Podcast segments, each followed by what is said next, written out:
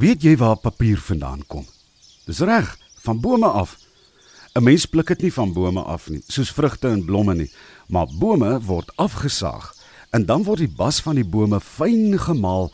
Dis waar papier vandaan kom. En hierdie bome word dikwels in groot plantasies afgekap. Soos wat die bome afgekap word, plant die boere weer plantasies en nog bome en klein boontjies. Wanneer daardie boontjies jare later groot is, word hulle ook afgekap om papier van te maak. En so word daar elke jaar baie bome afgekap en nuus aangeplant om papier vir ons mense te maak. Maar bome word nie net vir papier gebruik nie. Die mense gebruik ook die hout om meubels mee te maak en ook vir vuurmaakhout.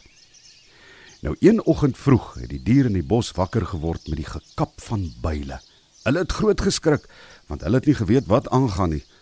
Groot stootskrapers het in die bos aangekom en somme party van die kleiner boontjies omgestoot. Dit was nie lank nie toe is al die diere by koning Louis se groot plat klip. "O, oh, dis 'n baie ernstige toestand," sê koning Louis. "As ons nie vinnig keer nie, is hier niks van die bos oor nie en waar gaan ons dan bly?" Oupa Uil het die hele storie so gesit en luister. "U majesteit, as ek mag," vra oupa Uil en lig een van sy vlerke in die lug.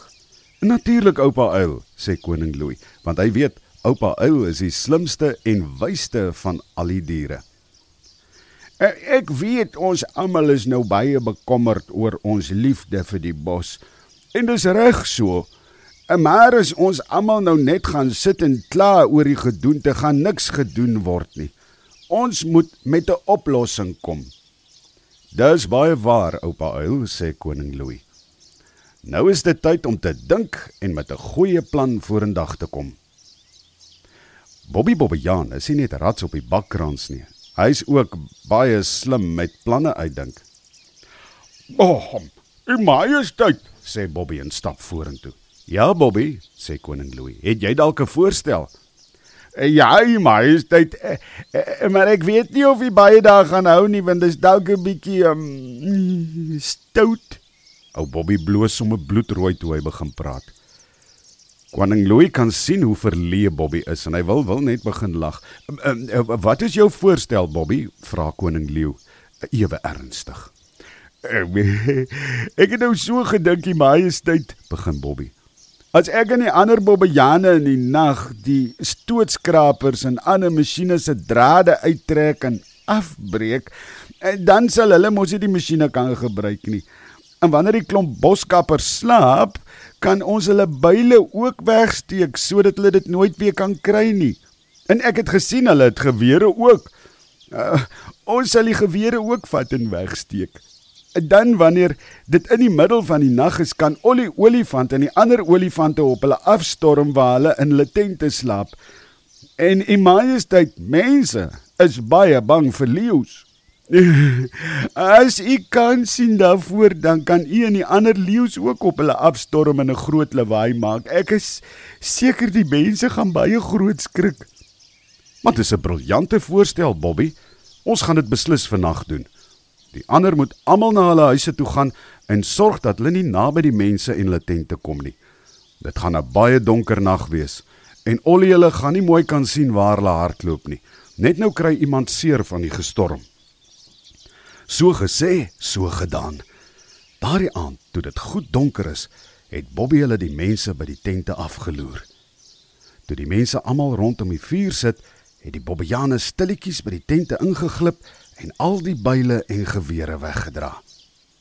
Later toe die mense moeg raak en gaan inkruip, het die Bobbejane net gewag dat die mense vasslaap En toe het hulle die stootskrapers se elektriese drade met hulle skerp tande afgebyt en uit die masjiene geruk.